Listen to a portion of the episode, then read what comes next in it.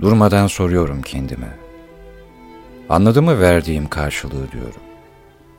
Ama öyle bir hava içindeyim ki başka türlü olamazdı yanıtım. Aşırı yumuşaktı bile. Aşırı aldatıcı, aşırı göz kamaştırıcıydı. Durmadan gece gündüz soruyorum kendime işte.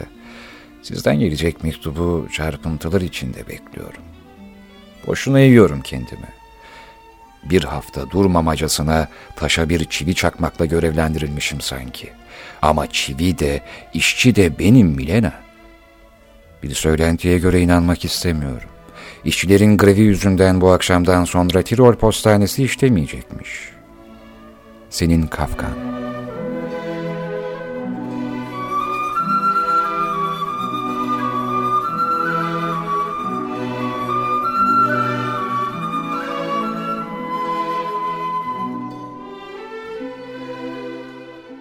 Seni gördüm düşümde bu sabah yine.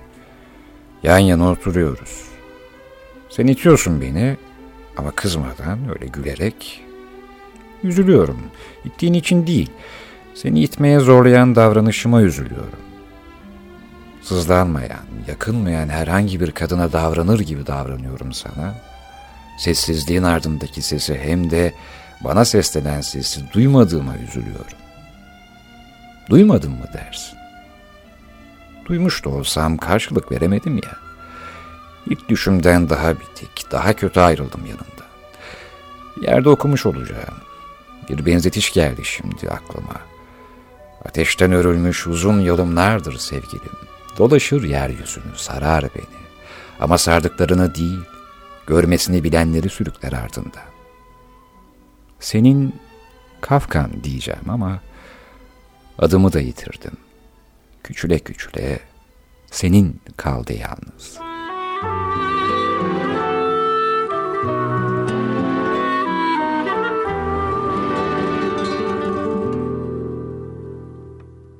Ormanda yolunu yitirmiş çocuklar gibi terk edilmişlik içerisindeyiz. Önümde durup bana baktığında ne sen benim içimdeki acıları anlayabiliyorsun ne de ben seninkileri. Ve senin önünde kendimi yere atsam, Ağlasam ve anlatsam bile biri sana cehennemi sıcak ve korkunçtur diye anlattığında cehennem hakkında ne bilebilirsen benim hakkımda da ancak o kadarını bilebilirsin. Benim için dünya binlerce belkiyle dolu. Dürüst bir insanım Milena. Esaretin izin verdiği kadar dürüst. Bir şeklimde herkese benzemeyen farklı bir yön var bende. Huzur içinde bir dakika bile çok görülmüştür bana. Her şeyi savaşarak kazanmak mecburiyetindeyim. Sadece geleceğimi değil, geçmişimi de kendim yaratmak zorundayım. Dünya sağa dönüyorsa bu ritme uymak için benim sola dönmem gerekiyor. Palto giymeye üşenirken bu koca dünyayı sırtımda nasıl taşırım ben?''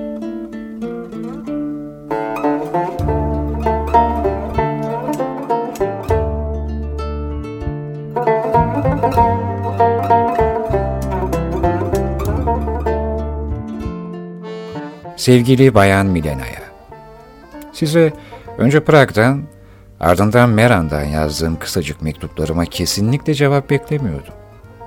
Umduğum gibi karşılık yazmadınız da sevinmem gerek.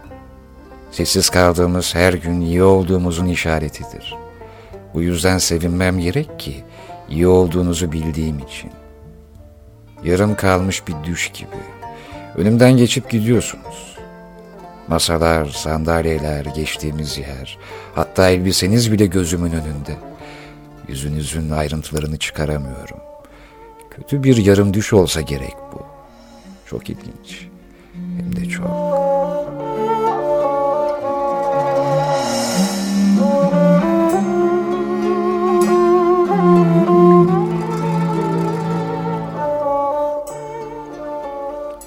Gönül ilişkilerimde edindiğim tecrübe erkeklerin daha çok acı çektiği. Aslında bu acı karşılıklıdır. Kadının çektiği acı gerçektir ama erkeğin acısı fazladır.